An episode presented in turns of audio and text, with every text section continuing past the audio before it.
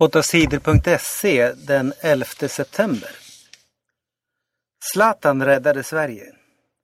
Sverige vann bortamatchen mot Kazakstan i VM-kvalet i fotboll. Sverige vann med 1-0. Zlatan gjorde mål i Sveriges första anfall. Det hade bara gått 27 sekunder när Zlatan sköt bollen i mål. Segern betyder att Sverige har en bra chans att bli tvåa i kvalgruppen efter Tyskland. Sverige har två matcher kvar att spela i kvalet. Vi möter Österrike och Tyskland i nästa månad. Matchen mot Österrike blir en riktig rysare. Matchen kan bli helt avgörande. Om Sverige förlorar är det troligen kört. Då tar Österrike andra platsen i gruppen. Sverige missar VM. Men om Sverige vinner mot Österrike så blir laget tvåa i gruppen och går vidare. Då får Sverige spela två matcher mot någon av de andra grupptvåorna. Obama väntar med attack på Syrien. USA väntar med att anfalla landet Syrien. Det sa president Barack Obama på tisdagen. Obama har ändrat sig sedan Syriens ledare sagt att landet ska lämna ifrån sig sina kemiska vapen. Syrien lovade på tisdagen att lämna över sina kemiska vapen. Det är Ryssland som fått Syriens ledare att gå med på att lämna ifrån sig vapnen. Jag hoppas att det går att lösa problemen utan att vi måste anfalla Syrien, sa Obama. Men om Syrien inte håller vad de lovat kommer USA att anfalla, säger Obama. USA-soldaterna är beredda att anfalla. Fler än tusen människor dödades i en gasattack i Syrien i förra månaden. USA och flera andra länder säger att det var den syriska regeringens soldater som släppte ut den giftiga gasen. Tio år sedan Anna Lind mördades.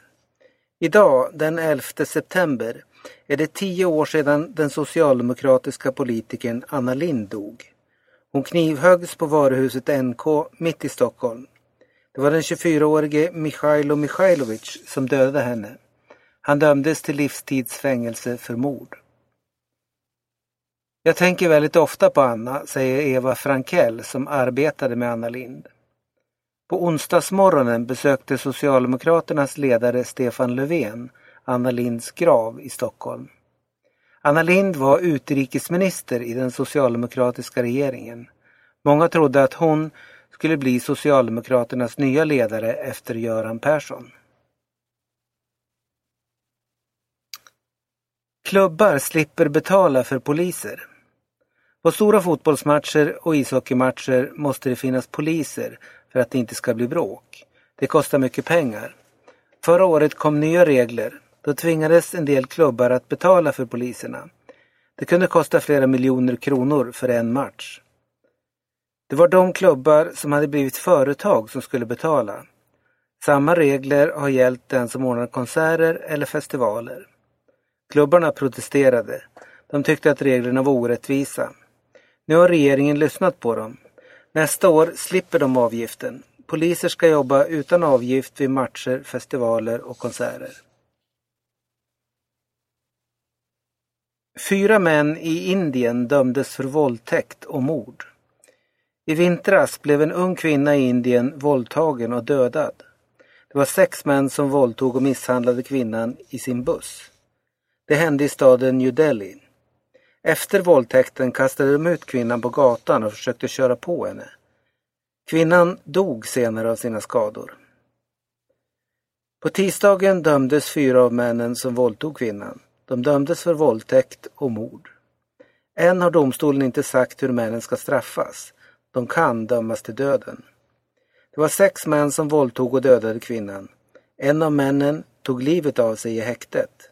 En är under 18 år och dömdes därför till tre års ungdomsfängelse. Världens bästa universitet finns i USA. MIT i USA är världens bästa universitet. Tvåa på listan ligger en annan amerikansk skola, Harvard. Trea är Cambridge i Storbritannien. Det visar en stor undersökning som gjorts av företaget QS. De tio bästa universiteten ligger alla i USA eller Storbritannien. Nordens bästa högskola är Köpenhamns universitet. Den skolan kommer på 45 plats i världen. Lite längre ner på listan hittar vi svenska högskolor. Lunds universitet är världens 67 bästa högskola. Uppsala universitet är näst bäst i Sverige på 79 plats.